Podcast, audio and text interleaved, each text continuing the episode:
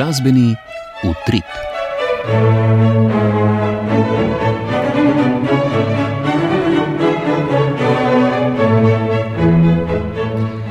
Lepo pozdravljeni, spoštovane poslušalke, cenjeni poslušalci. Nova postavitev priljubljenega baleta Žizel v Ljubljanskem Cankarevem domu ter izid monografije o skladatelju Egiju Gašpršiču sta dogodka, ki sta zaznamovala glasbeno dogajanje v preteklem tednu. V oddaji pa napovedujemo še tri zanimivosti. V soboto bo na koncertu v celju premjerno izvedena noviteta Ozarjena noč za sopran in orkester Matije Krečiča. V prostorih Radia Slovenija pa noviteta Tako tiho Larise Vrhunc. Gre za prvo slovensko orkestersko delo, namenjeno najmlajšemu poslušalstvu. Nov projekt pripravljata Komorni orkester Nova in skupina Noreja. Premjerno bo predstavljen na koncertu 28. januarja v Novi Gorici. Več v oddaji, ki jo povezujem Ana Marija Štukal Kuzma. Vabljeni k poslušanju.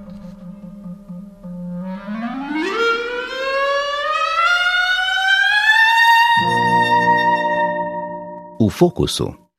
Pretekli četrtek je na odru Galosove dvorane Cankarevega doma slavnostno premiero zaživel eden najlepših baletov vseh časov, balet Žizel, ki je nastal v koprodukciji Slovenskega narodnega gledališča Opera in balet Ljubljana in Cankarevega doma. Zgodba o nesojeni ljubezni in strtem srcu, ki jo je v glasbi v francoski skladatelj Adolf Adam, je tokrat zaživela v umetniški interpretaciji španskega koreografa Joseja Carlosa Martineza.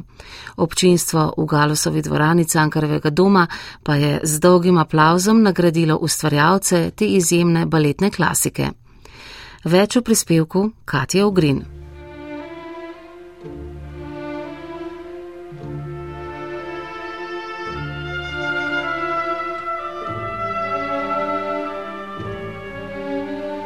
Smrt zaradi strtega srca in zmaga odpuščanja nad maščevalnostjo je snov enega najlepših baletov vseh časov. Žizel. Ljubko kmečko dekle šibkega srca se nič hudega sloteč zaljubil princa Albrehta, ki se ji, da bi jo osvojil, predstavi kot podeželski fant. Neizmerno srečo mladega zaljubljenega para pa kmalo skazi razkritje njegove krinke in kruta resničnost, v kateri princ pripada drugi. Sledita neznanski šok in razočaranje za naivno in nedolžno žizel, ki vse skupaj pahne v blaznost in smrt. Vile, ki jih vodi najsprostna Mirta, pa obudijo žizel iz groba, da se jim pridruži. Ko Albrecht obišče njen grob in objokuje njeno smrt, ga soočijo z njegovo usodo. Žizel, ki mu je medtem že oprostila, roti Mirto, da mu prizanese, a hladnokrvna kraljica Vil ne popušča in Albrecht mora plesati do zore. Takrat pa vendarle zmagata Žizelina ljubezen in sposobnost odpuščanja, ki osvobodita njenega ljubega smrti, njo pa spon, njo pa spon skupino vil in njihove maščevalnosti. Navdih za zgodbo o vilah, ki svojo smrt maščujejo tako, da moške prisilijo k plesu do nemoglosti, sta libretista Žil Henri Vernois de Saint-Georges in Theophile Gautier našla v delih nemškega pesnika Heinricha Heineja in francoskega pisatelja Viktorja Igoja. Čudovito zgodbo o nesojeni ljubezni in strtem srcu pa je v glasbi v francoski skladatelj Adolf Adam. Vloga Žizel je pripadla italijanski balerini Carlotti Grisi in je bila namenjena njenemu debiju pred pariškim občinstvom. Grisijeva je bila dolga leta edina balerina, ki je to vlogo plesala v pariški operi. Pod izvirno koreografijo sta se podpisala koreografa Jean Corali in Gilles Perrault. Balet pa je bil premjerno izveden 28. junija 1841. Kmalo je postal neizmerno priljubljen v Evropi, Rusiji in Združenih državah Amerike. Zgodba polna žalosti, a hkrati tako polna življenja in ljubezni, pa z razlogom ostaja nepogrešljiv del repertoarja vseh večjih baletnih hiš po celem svetu. Tudi ljubljanske operne in baletne hiše, ki se, kot pravi umetniški vodja baleta Renato Zanela, po številnih sodobnih delih vrača k romantični klasiki kot tistemu temeljnemu delu, ki od plesnega ansambla zahteva dobro razumevanje tehnike in estetike prve polovice 19. stoletja, gledalcu pa ponuja sprehod v baletno zgodovino. Kot pove Zanela. You know,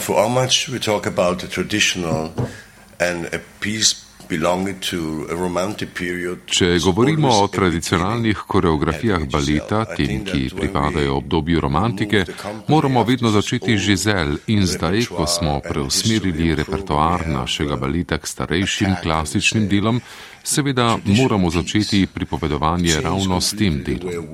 Delom, ki je spremenilo celoten način našega dela, od tega, na kakšen način oblikujemo posamezne baletne klase, kako razumemo tehniko in estetiko, kako predstavimo gibanje. Tu moramo biti zelo temeljni, zato smo malce bolj vznemirjeni, saj imamo pri sodobnih koreografijah vso ustvarjalno svobodo, tu pa se moramo držati določenega stila.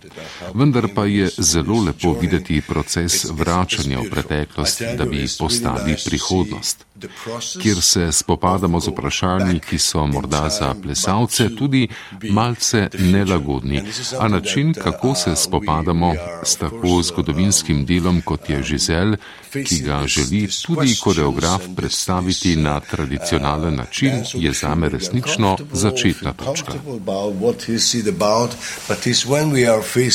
Piece of history like Giselle is uh, wanted from our director in, the, in a traditional way is, is for me really beginning point. Pojasni Zanela, ki tako sledi svoji viziji, ki jo ima za ljubljanski balet in s katerim želi nagovoriti širše občinstvo ter ga svojim umetniškim delom izobraževati. In to ne samo sodobnimi, temveč tudi zgodovinskimi baleti, kar Žizel nedvomno je. K sodelovanju je Zanela ponovno povabil španskega koreografa Joseja Carlosa Martineza, ki je za ljubljanske baletnike leta 2020 že postavil balet Gusar. Martinez je tokrat ljubljanskemu občinstvu predstavil različico Žizel, ki jo je izvirno postavil za zagrebski balet. Z njo pa je, kot pravi sam, sicer želel spoštovati tradicionalno postavitev, a ji dodati novo dinamiko ter jo oviti v rahločutnost našega časa. Slednje razume predvsem v poskusu iskanja različic baletnih gest, ki bodo bolj razumljive sodobnemu gledalcu, da bo ta razumel zgodbo, ne pa zgolj občudoval lepo gibanje. Z ljubljanskimi baletniki je pripravil kar štiri zasedbe vloge kmečkega dekleta Žizel in princa Albrehta, premjerni sta odplesala Anastazija Matvijenko in Kenta Yamamoto. O delu z ukrajinsko balerino, ki je skupaj z možem, plesalcem Denisom Matvijenkom, svoj začasni dom našla prav v Ljubljanski operi, koreograf Martinez pove.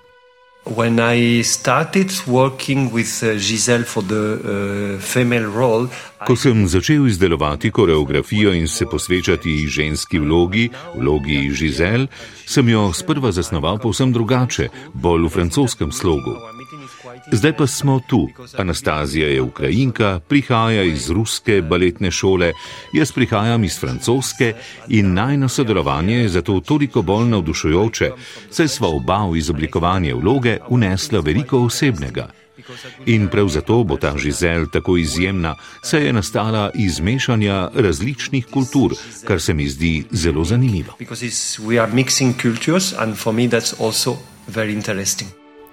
Solista Anastazija Matvijenko in Kenta Yamamoto sta na premjerni izvedbi tehnično navdušila. In čeprav imajo v prizorih zaljubljenosti manjkalo doživetosti, pa je Anastazija Matvijenko z izvedbo Žizeline blaznosti, ki jo je oblikovalec svetlobe Andrej Hajdinjak izvrstno svetlobno podprl, naravnost navdušila. Prav tako je prepričal njen mož Denis Matvijenko v vlogi lovskega čuvaja Hilariona, ki ljubi Žizel in iz jeze razkrinka Albrehta ter na to v gozdu podleže maščevalnosti vil. Te so utelešenje nedolžnosti, brezčasnosti, a tudi krutosti. Za njihov nezemeljski in lebdeč vides je prizadeval kostumograf in scenograf Injaki Kobos Guerrero, ki je s koreografom Martinezom in ljubljanskim baletom sodeloval že pri ustvarjanju baleta Gusar. Svoje videnje podobe baleta Žizel pa takole pojasni. This ballet is a 19th century look in origin, so I would like to take to the real Zauzeli smo tradicionalen pristop k baletu, ki izvira iz 19. stoletja, jaz pa sem želel ustvariti videz srednjega veka. Vse barve, ki smo jih uporabili za barvanje kostumov kmečkega prebivalstva v prvem dejanju, so naravne, rastlinske, prav tako je naravno blago, ki smo ga uporabili. S tem smo dodali rustikalen videz kostumom, kar je v nasprotju s kostumom. S tem smo dodali rustikalen videz kostumom, kar je v nasprotju s kostumografijo dvorjanov, ki je bogata in polna okrasja. In tu se podari tudi ta osnovna ideja zgodbe, razlika med podeželjem in dvorom. V drugem dejanju pa smo želeli doseči ta vilinski občutek, da se plesavke ne dotikajo tal, da lebdijo in da resnično prihajajo iz nekega drugega sveta. So, also, we said the idea is to create that the dancers are really floating and coming from inside the world. V želji po poudarjanju vilinskega občutja in občutka lebdenja, ki sicer prihaja iz kvalitetne izvedbe korakov in samega giba, pa je Guerrero morda nekoliko pretiraval, saj je s pretiranim spuščanjem megle in trikom izginotja tančic po nepotrebnem zbanaliziral celotno občutenje. Kostumografija in scenografija sta zgodbo sicer solidno podprli. Koreografija Joseja Carlosa Martineza, ki je sledila tradicionalni postavitvi in mestoma prinesla nekaj nove dinamike, pa zastavljenega prevoda v rahločutnost našega časa ni najbolje dosegla. Je pa Galusovo dvorano Cankrevega doma zapolnila zelo čutna glasba Adolfa Adama, ki je zazvenela v izvedbi orkestra Ljubljanske opere pod vodstvom dirigenta Kevina Rhodesa. Baletna zgodba Žizel je premjerno občinstvo navdušila, to pa je ustvarjalce nagradilo z dolgim aplauzom. Kulturni ustanovi SNG Opera in Balet Ljubljana in Cankarjev dom pa sta zopet potrdili svoje plodno sodelovanje, tokrat z baletno klasiko, ki tudi zaradi svoje razgibane zasedbe vlog domačemu občinstvu prinaša sveže doživetje enega najlepših baletov vseh časov.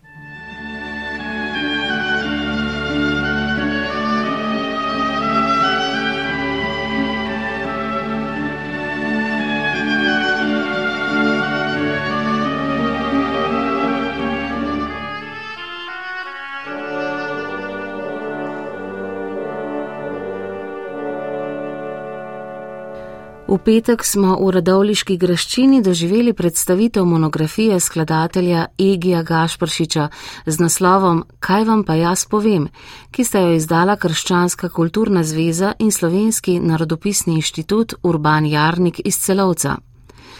Pogovor s skladateljem je vodil urednik zbirke magistr Tomaš Faganel, Za zvenenje skladateljevega opusa pa sta poskrbeli mezzosopranistka Bernarda Fink in pianistka Ana Thyssen. Prispevek Brigite Rovšek. Poslej boste po zajetnem delu opusa Igija Gašpršiča lahko posegali po lično oblikovani zbirki petih knjig, iz katere zvenijo v avtorjevo osebno govorico preobraženi vplivi slovenske ljudske, predvsem koroške pismi in vpliv umetne večinoma romantične glasbe. Ta z uporabo novejših, a globoko premišljenih kompozicijskih postopov ne izgublja stika z glasbeno sodobnostjo. Na petkovi novinarski konferenci smo jo lahko doživeli v izvedbah pianistke Ane Thyssen v zelo simpatičnih klavirskih krukijih, zatem pa še v samospevih s solistko, mezzosopranistko Bernardo Fink. Nastanek zbirke je spodbudila Koroška krščanska zveza, saj pričujoča zbirka Egija Gašpršiča ni založbina prva, v uredniškem odboru pa sta poleg Tomaža Faganela sodelovala še Martin Kuhling in Katja Ostrc. Zasnovo zbirke z naslovom Kaj vam pa jaz povem je predstavil magistr Tomaš Faganel in na začetku tudi utemeljil izbiro podnaslova. Pogled na obseg avtorjevega dela pove pa podnaslov izbrane skladbe, to pomeni, da jih je na policah Egija Gašpršiča v dobrem polju še veliko. Te tu v tej izdaji so nastajale 50 leti.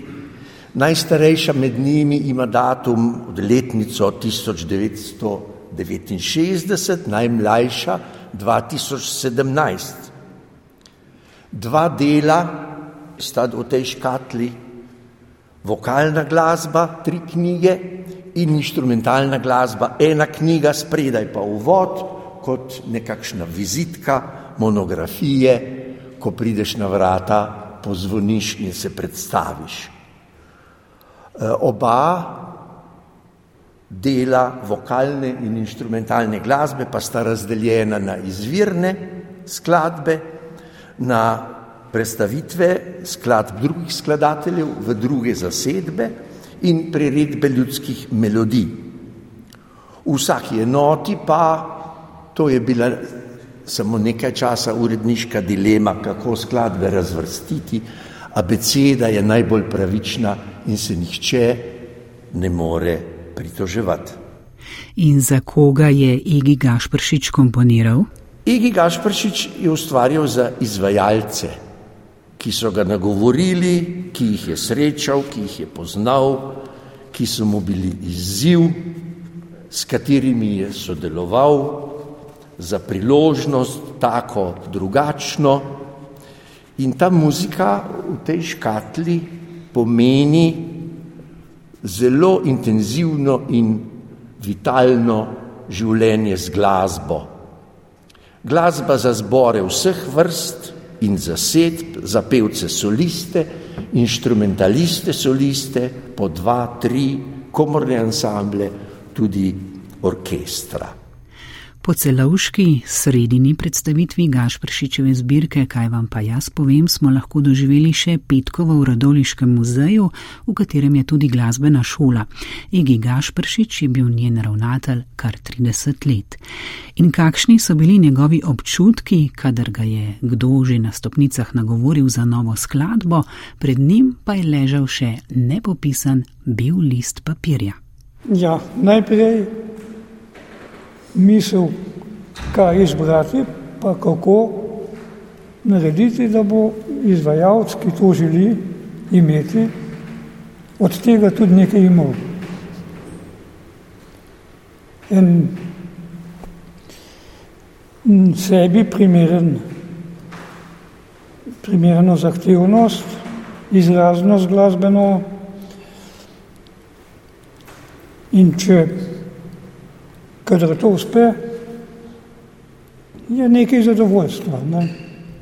Kaj pa je Igija Gašpršiča spodbudilo k ustvarjanju? Ja, sto stvari. Odvisno od, od tega, kaj je kdo želel imeti, oziroma tam, kjer sem sam zbiral, pri zborih, nisem hotel imeti slovenskih stereotipov, zborovskih, čim več tazga, ker drugi niso imeli. Če ni bilo v naših izdajah, kakršnih koli zbirkah, sem poiskal kaj drugega, pa potem prirejal, ne, in sem uspeval za zbor.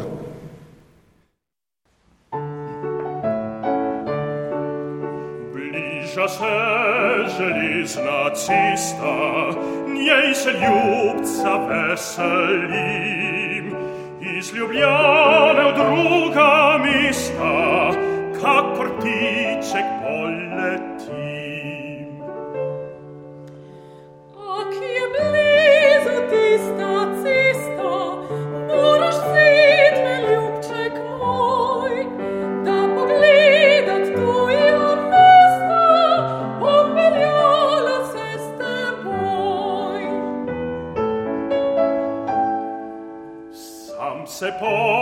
Лесниц исти, вози бом от нас до нас. Друго любца всякем мисти, имя бом за кратек час.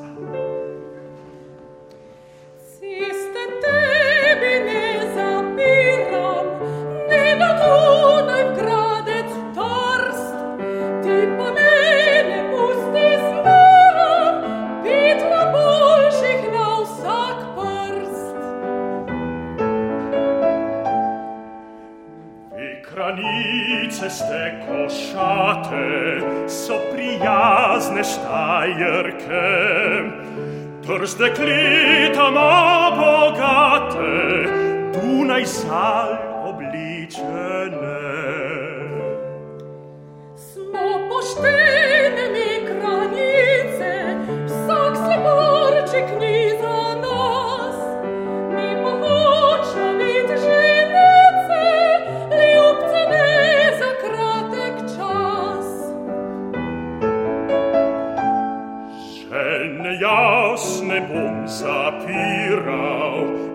ne bom se za njo nič.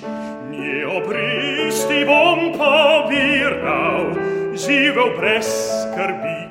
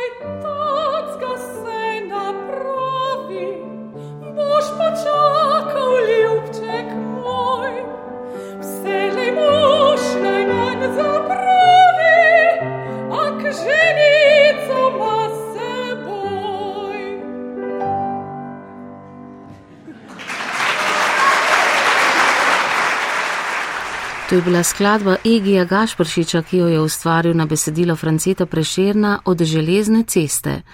Na koncertu Slovenski samospevi skozi čas v Slovenski filharmoniji sta jo leta 2008 ob klavirski spremljavi Andreja Kosmač zapela sopranistka Janja Hvala in baritonist Matjaš Robaus. Oddajo pa zdaj nadaljujemo z napovedmi dogodkov, ki bodo zaznamovali glasbeni utrip v prihodnjih dneh. V soboto zvečer 21. januarja bo v Narodnem domu v Celju v organizaciji Hiše kulture Celje gostoval avstrijski komorni orkester Kamerata Sinfonika Avstrija. Umetniško ga vodi slovenski pianist in dirigent Davorin Mori, ki deluje kot profesor klavirja na Dunajski univerzi za glasbo in kot asistent dirigenta zbora Dunajske državne opere. Kamerata Sinfonika Avstrija je projektni orkester, ki je bil ustanovljen leta 2018 iz izvrstnih glasbenikov in se posveča izvajanju velikih simfoničnih del, prirejenih za manjše zasedbe. Tako bo na koncertu v celju izvedel Malerjevo simfonijo številka 4 v priredbi za komorni orkester Iana Farringtona počasni stavek Antona Weberna in noviteto Ozarje na noč za sopran in orkester Matije Krečiča. Več o nastanku te skladbe je povedal skladatelj Matija Krečič v pogovoru s Polono Kovačič. Skladba je nastala na pobudo dirigenta Davorina Morija, pa tudi pravzaprav solistke na tem koncertu Monike Hosp, sopranistke. Ona bo nastopila uh, v Malerjevi četrti simfoniji uh, in so se potem odločili, da bi pa še eno delo izvajala ona skupaj z orkestrom.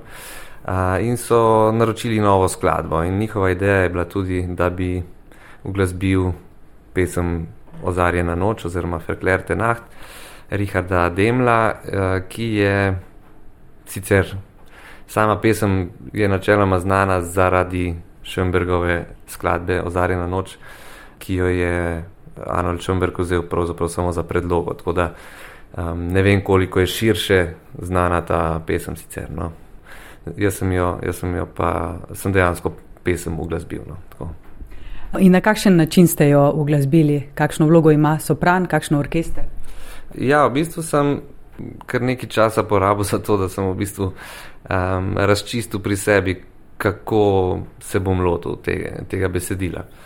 Čistko iz nekega formalnega vidika sem v bistvu se potem v nekem trenutku odločil, da bo sopran pel samo govorjeno besedilo. Pesem je pet, stav, pet, ima pet kitic. Prva, tretja in peta so pravzaprav opisne, um, opisujejo um, okolje, uh, noč, uh, gost, uh, po katerem se sprehaja mlad par. Ne. Druga kitica je govor ženske, oziroma ta ženska moškemu pove novico, ki je pravzaprav zelo nevarna za njuno razmerje, ne? ker pove, da je noseča in ne, ne z njim, ampak uh, z nekom drugim, ki ga je spoznala pred njim. Um, no, in potem je uh, ta četrta kitica, je pa moški odgovor, ki jo pravzaprav pač pomiri in reče: to, kar imamo mi dva, je pravzaprav nekaj posebnega in bo ta najna ljubezen bo tega otroka spremenila, ne? da ne bo več tuj otrok, ampak, ampak najn. In tako, no, to, to je nekako tak grob oris pesmi. In jaz sem se odločil, ja, da, bo, da bo v bistvu skladba na nek način programska. No? Um, se pravi, to, kar je teh op opisnih kitic, sem v bistvu samo orisal v, v glasbi, kar pa je govora, pa sopranistka poje. Kakšne kompozicijske prejeme pa ste uporabili? Ja, v bistvu tu um, nasplošno je ta govorica nekako taka kot že v kakšnih mojih prejšnjih skladbah. Um, jaz se največ ukvarjam nekako z neko prosto tonalnostjo na nek način. Želel sem, da bi bila glasba intimna, oziroma da bi bilo vse skupaj um, nekako postavljeno res kot pogovor dveh ljudi ta glasba je pravzaprav uh, zelo slikovita. Do določene mere sem se ukvarjal s tem, da sem iz orkestra izvabljal tudi mogoče um, kakšne zvoke, ki jih morda nismo, nismo vajeni, oziroma tako so, so novejši. Tudi sopranistko sem mogoče v nekem oziru uh, mestoma uporabil kot inštrument. Ene verze sem uglasbil čist melodično, nekateri so pa v bistvu se bolj zlijejo, recimo z orkestrom, se, se, se glas soprana bolj zlije z orkestrom. Tako da v bistvu hotel sem, da, da, ma, da je skladba uh, enovita, uh, da ima zelo jasno dramaturgijo in da je zelo v bistvu tekoča, pravzaprav. No? Um, ni nekih um, sunkovitih obratov, ni nekih uh, prekinitev, ni nekih v tempu se ne spremenja, kaj dosti. Skratka, hodil sem, da je ta nočni sprehod tega para um, res v bistvu na nek način čim bolj realističen. No? Tako, uh, brez nepotrebne patetike, brez. Uh, Neke širokopoteznosti, uh, in tako, no, tako da intima, no, je bila je nekako v bistvu rdeča nit, ki je vplivala tudi na, na same kompozicijske tehnike. Je bil to za vas poseben skladateljski izziv? Ja, vsekakor. Ja. Če sem iskren, sem, mi je bilo težko začeti, um, zaradi tega pritiska pač same te pesmi in tako naprej. Uh, Tako da sem res moral se, se umiriti, uh, poiskati nekak svoj glas, uh, se odločiti za svojo interpretacijo in ja, pustiti te velike stvaritve v zgodovini. Uh, um, tako da je, je, bil, je bil izziv, konec koncev tudi jaz sem dos, doslej pretežno pisal instrumentalno glasbo, um, neki tudi zborovske, ampak ja, tako recimo solistične vloge soprana, recimo zelo malo. No? Um, tako da tudi v tem smislu ne, sem moral pravzaprav pri sebi nekako razčistiti, kako jaz vidim glas, kako ga želim slišati z odra. Ne. Tako da je bil zelo velik izziv. Kaj pa izvajalka, sopranistka in pa samo orkester, so imeli kakšne pripombe oziroma so sodelovali tekom nastanka te kompozicije? Um, ne, sodelovanja nekako ni bilo v tem smislu, da bi vmes že, že se kaj pogovarjali o tem.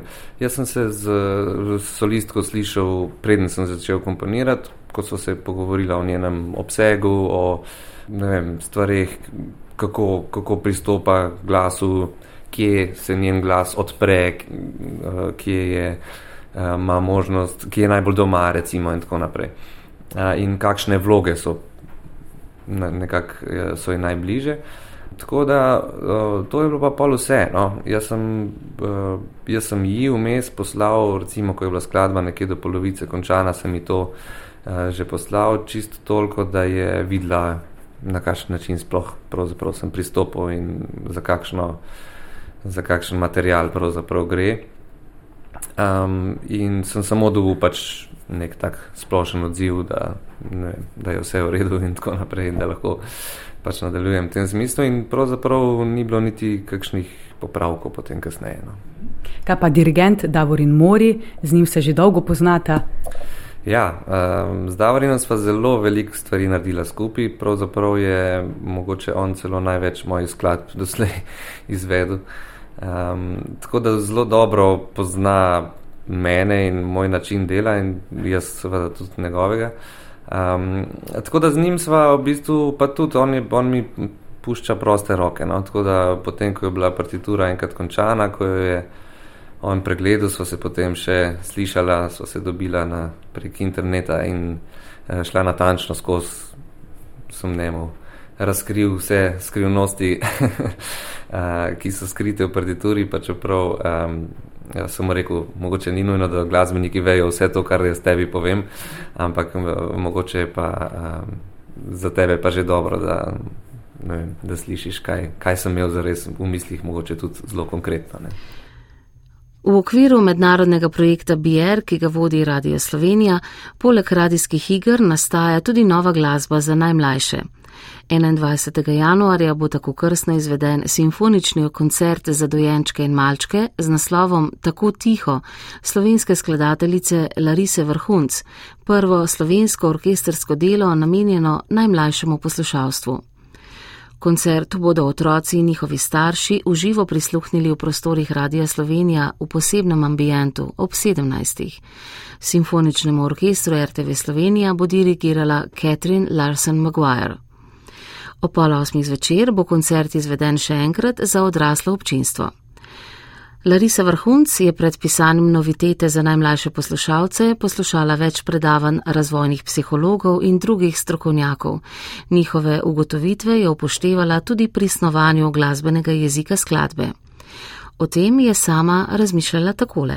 Zanimivo mi je bilo v resnici, da otroke zanima zvok sam. Ga ne opremljajo še z vsemi temi um, predsotki, ki jih imamo starejši. So pač radovedni do tega, kako se zvok producira, odkud prihaja.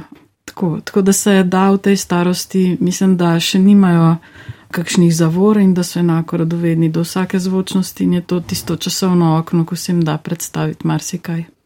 V bistvu sem se nekako sprostila, ko sem ugotovila, da pri otrocih ni tako neke te slogovne barijere. A, ampak kljub temu pa me je zanimalo, kje so čisto na tej razvojni stopni in zato me je najbolj razvojna psihologija nekako zintrigirala, ker mi je dala odgovore na ta moja vprašanja, da sem se lahko premaknila, torej kaj je treba upoštevati pri delu za tako majhne otroke, kaj jim smeš ponuditi, če se jim ne moreš ponuditi, kako bojo reagirali. V bistvu ne vemo, kako bo reagirala, ampak vsaj malo si domišljamo in tudi, uh, mislim, jaz sem čist iskreno namero, da bi morda lahko funkcioniralo čisto v praksi, se lotila potem pisanja te skladbe. Delo traja koliko? 15 minut. Ja, samo delo traja 15 minut, ampak še preden sem vedela, da bo dogodek tako kratek in se je odprl prostor za še kaj drugega, sem načrtovala, da bi bila, da se skladba ne bi začela na dirigentovo roko, ampak že prej ker vem, da ko otrok vstopa v nek prostor, ga vse zanima. Vsak zvok, ki se oglasi v prostoru, ga že zanima in sem želela to vključiti kot v pripravo na nastop skladbe, na začetek skladbe, tako da sem že od začetka načrtovala, da bi se glasbeniki pomalem oglašali, še preden se dirigent um, vklopi in da bi to se nekako spontano prelilo v samo skladbo. Tako da zdaj sama skladba traja 15 minut ta predhodni in zahodni del, recimo, sta pa ja, poljubno dolga, pač dokler bo zanimanje ali nekako tako. Ja. Uh, ustvarila si mala zvočilca, ne? tudi za ustvarjanje zvoka. Ja, um, torej želela sem dati nekaj otrokom, ker me je ravno ta opis poskusa s temi ameriškimi otroki nekako navdahnil, se pravi, da dlje zdržijo v nekem prostoru, če se lahko z nečem igrajo in se mi je zdel dobro, da se igrajo z nečem, kar oddaja zvok in po možnosti, da potem podoben zvok lahko pride tudi iz orkestra. Pa druga stvar je bila te frekvence zvončkov in teh stvari, ki jim zelo ugajajo.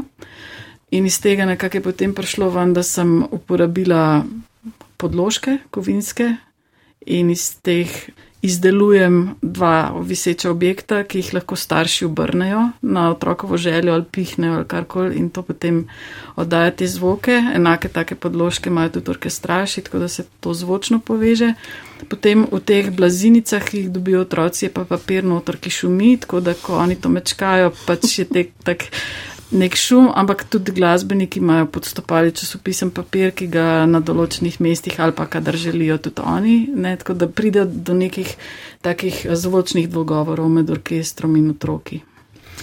Ko v bistvu ena prvih stvari, ki sem jih prebrala, je to, da je otrokov senzorični a, sistem veliko bolj občutljiv kot odraslega, tudi auditivni, slušni da zaznajo veliko več različnih frekvenc, posebej v visokem spektru, da to potem počasi začne ugašati in da tudi zelo hitro pride do prezasičenosti signalov, tako da jih doskrat vidiš, ker si mašijo všesa, ker je preveč.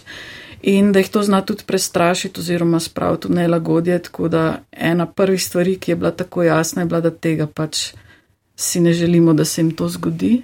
Zato sem se poskušala res omejiti pri dinamiki pa iskati pestrost ne skozi dinamične kontraste, ampak kraj skozi barvne. In zdaj imamo tukaj tudi partituro, in v njej ni praktično nobenih dinamičnih oznak.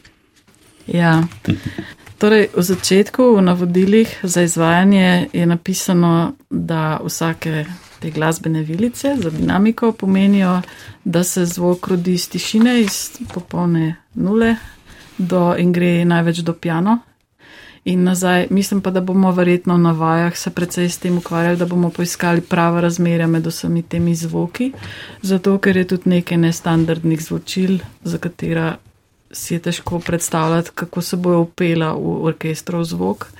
Uh, ampak načeloma bo pa gotovo vse tiho. Eden od inštrumentov bo tudi vodafon. Ja, to je v bistvu tokalni inštrument. Videti je tako, da je kovinska buča, nas na obodu pa ima kovinske palice in v sredini je luknja, v katero se nalije vodo in um, potem, ko se te palice oglašajo, lahko po njih trkaš, jih igraš z lokom ali ja, v glavnem ti dve tehniki, potem voda zaniha in spreminja višino zvoka, tako da je tak eteričen. Tudi dve skledi, ne si omenila? Ja, dve tibetanski skledi. Ti dve, ki sem jo jaz dobila, imata več izrazitih frekvenc in sem potem to uporabila za harmonski material skladbe. Pa tudi različne tehnike igranja na te sklede so uporabljene, tako da se različne barvne možnosti tega inštrumenta izpostavijo v različnih delih skladbe. No, eden od pomembnih segmentov, seveda pri pisanju skladbe, je tudi ritem in razvojni psihologi pravijo, ne, da mora biti ritem pri tako majhnih poslušalcih predvidljiv in varen, ampak z nekimi elementi presenečenja, da ne postane dolgočasno. Si, kako si se ti tega lotila? Torej, tukaj v bistvu ni ritma. Ampak ravno s tem, ko ga ni, postane to zvočna plast, ki morda lahko eh, na trenutke ponikne v zadje ali pa potem spet postane bolj zanimiva. So drobna presenečenja vse čas, ampak nobeno ni tako, da bi te prav eh, šokiralo. Drugač pa so drobni ritmi, ampak nimajo te funkcije, da bi, da bi lahko otrok po njih plesal ali ne vem, pač neke, neko motorično dejavnost izvajal. Pač pa sem se bolj nekako orientirala na to, ker je v eni od delavnic Katarina Habe omenjala, da so otroci bolj dovzetni oziroma bolj zbrani pri svojih dejavnosti, če jim ali vnaprej daš poslušati primerno glasbo ali pa ob dejavnosti predvajaš kakšno glasbo. In je omenila, da so primerne glasbe, ki vsebujejo alfa valove. To so frekvence okrog 10 Hz, ki jih proizvajajo možgani in jih potem simulirajo v glasbeni obliki tako, da največkrat binauralno, da je razlika v dveh frekvencah tam nekje 10 Hz In če si to skozi slušalke spuščaš, v bistvu je to neka simulacija teh možganskih valov, ki naj bi zelo umirjajoče delovali na otroke. In potem sem to poskušala v skladbo vključiti še posebej na nekaj mestih, naj bi bile take umiritve, ki simulirajo teh 10 Hz. Recimo. Malce smo že povedali o tem posebnem okolju, ki ga boste ustvarili za poslušanje. Govorimo torej o oblazinah, ki bodo na tleh za otročke in seveda za njihove starše in za oblazinjenje vse trde robove. Verjetno je bilo vse to v spredju, ko ste razmišljali o prostoru. Ja, Torej, na prvem sestanku smo že ugotovili, da otroci zelo radi sodelujejo na ta način, da sami preizkušajo stvari.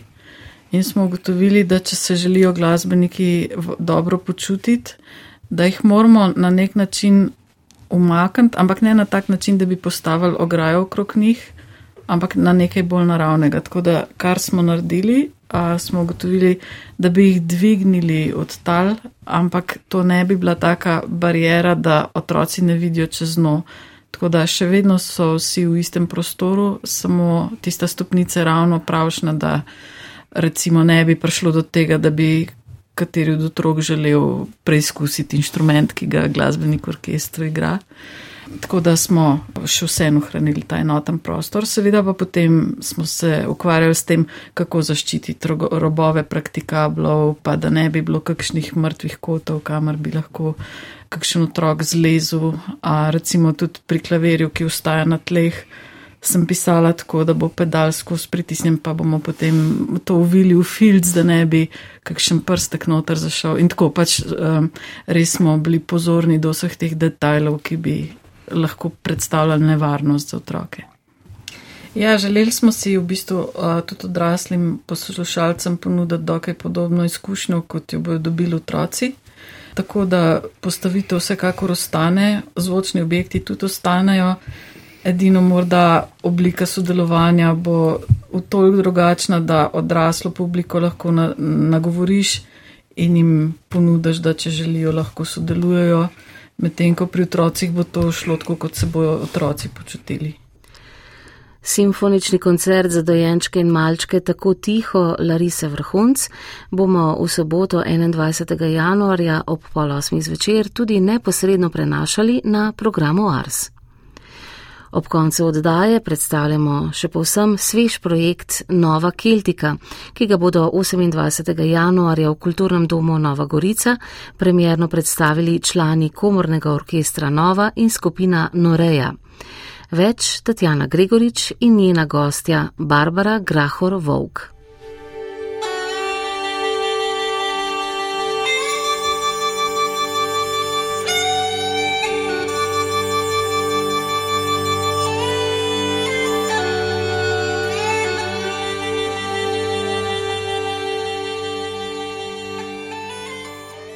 Tako zveni skladba uvodne dude projekta Nova Keltika, v katerem se bodo izvajalci podali na glasbeno raziskovanje dežel keltskega sveta in svoje lastne povezanosti z davno preteklostjo. Zamisel nam predstavlja violistka in skladateljica Barbara Grahor-Vog. Ideja za ta projekt je v bistvu na začetku prišla iz naše strani, torej iz strani Komornega orkestra Nova. Z umetniškim vodstvom Komornega orkestra Nova imamo en tak seznam, na katerem se zbirajo razno razne ideje za programe v prihodnosti in na tem seznamu je že nekaj časa bila ideja tudi za projekt, ki bi vseboval versko glasbo.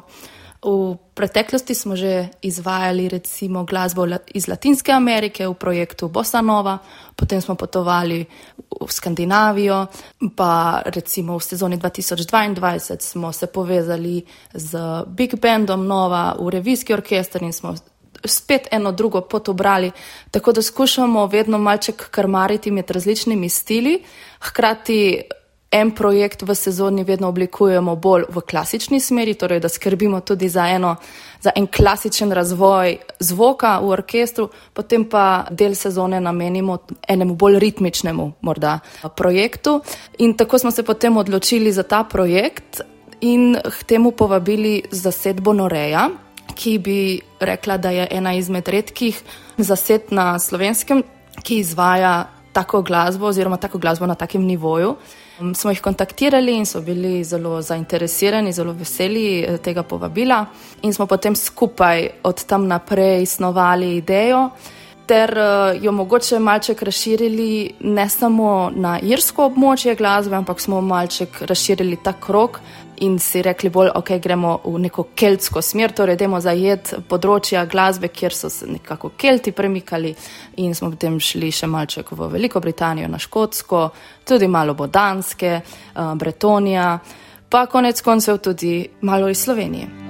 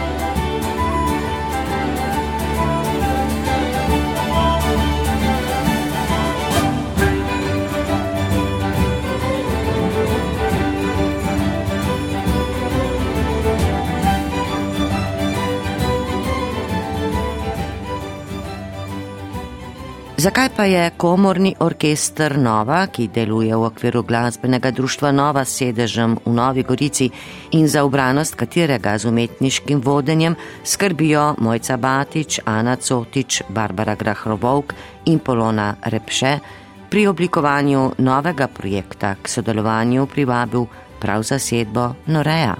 Ko smo se pogovarjali, koga bi povabili k eh, temu projektu, je bila odločitev na dlani in ni bilo niti kaj za razmišljati. In smo takoj kontaktirali Norejo, ker nam je všeč njihov koncept programov, ki so jih tudi že izvajali, ki so jih delali, ki jih trenutno delajo.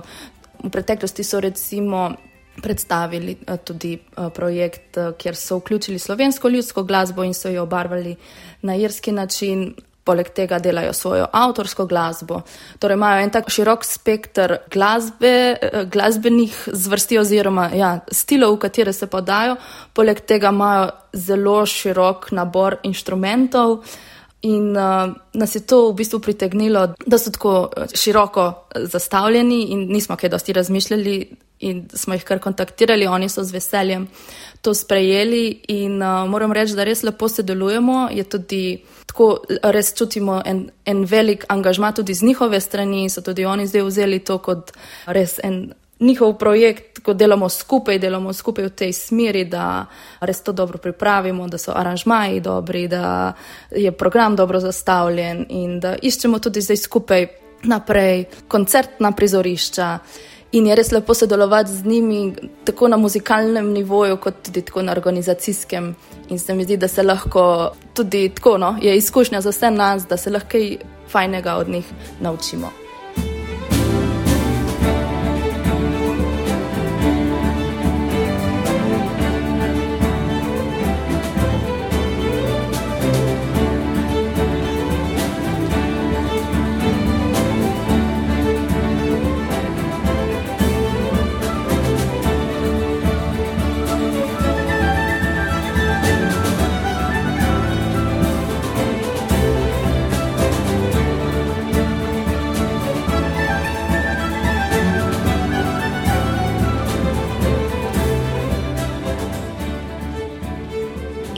Barbara Grahrovovk tudi o programu koncerta.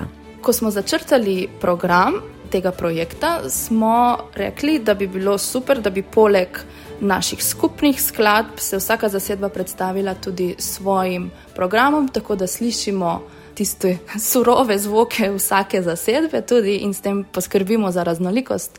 Tako da bo Noreja izvajala nekaj tradicionalne in avtorske glasbe in se bodo z njo sami predstavili, medtem ko bomo z orkestrom Nova zaigrali tudi nekaj skladb klasičnih skladateljev Gustava Holsta in Johna Ratterja, tako da bo tudi nekaj klasične glasbe vključene v sam večer medtem ko bo eh, skupni del sestavljen predvsem iz tradicionalne irske in, eh, da moramo reči, tako široko keltske glasbe, kot tudi avtorski skladb zasedbe Noreja, ki so seveda imajo tak eh, tradicionalen zven. In uh, posegli bomo tudi po slovenskih ljudskih, ki jih je zasedba Noreja obarvara, začinila z irskim uh, stilom. Za orkester smo aranžmaje po večini napisali, torej jaz, Barbara Grahor-Vovk in Ana Novak, ki je violinistka v zasedbi Noreja, in smo tako razširili ta zvok. Ga malček orkestrirali in mislim, da res eh, super pride skupaj, da vsaka zasedba lahko zasije na določenih momentih in da bomo ljudi lepo krmarili skozi celoten večer in skušali tudi z vsemi temi raznolikimi inštrumenti, ki jih ponuja zasedba Noreja, z vsemi flautami, piščalmi, dudami, kot tudi pridružil se nam bo tudi Primož Podobnik na, kot gost na raznih perkusijah. Tako da bo res pestro in tudi morda na momente celo zelo plesno. In smo res iz tega vsega, kot sem sedaj razložila, ta koncept preteklosti v sodobnosti, vedno črpamo iz nekih korenin naših prednikov, povzeli celoten koncept in ga zajeli v ime Nova Keltika, ker se nam je zdelo, da najboljše opiše ta program In uh, mislim, da bo res zelo pestro in raznoliko, tako da bo za vse, tako ljudi, nas, nas glasbenike na odru, kot tudi za ljudi v publiki, bo en lep večer.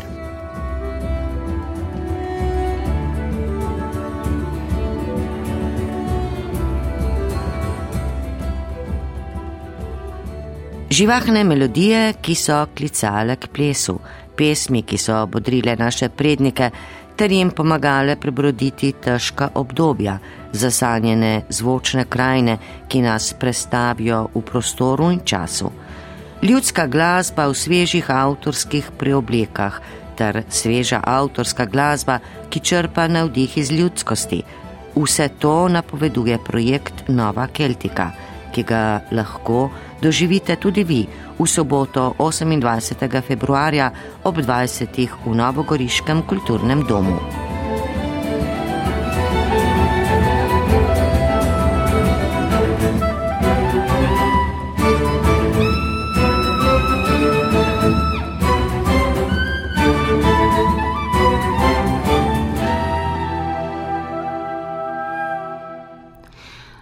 To pa je tudi vse v današnji oddaji. Pripravili smo jo avtorice prispevkov Katja Ogrin, Brigita Rovšek, Polona Kovačič, Tatjana Gregorič, tonski mojster Max Pust in voditeljica Ana Marija Štukel Kuzma. Pa lep pozdrav do prihodnjič.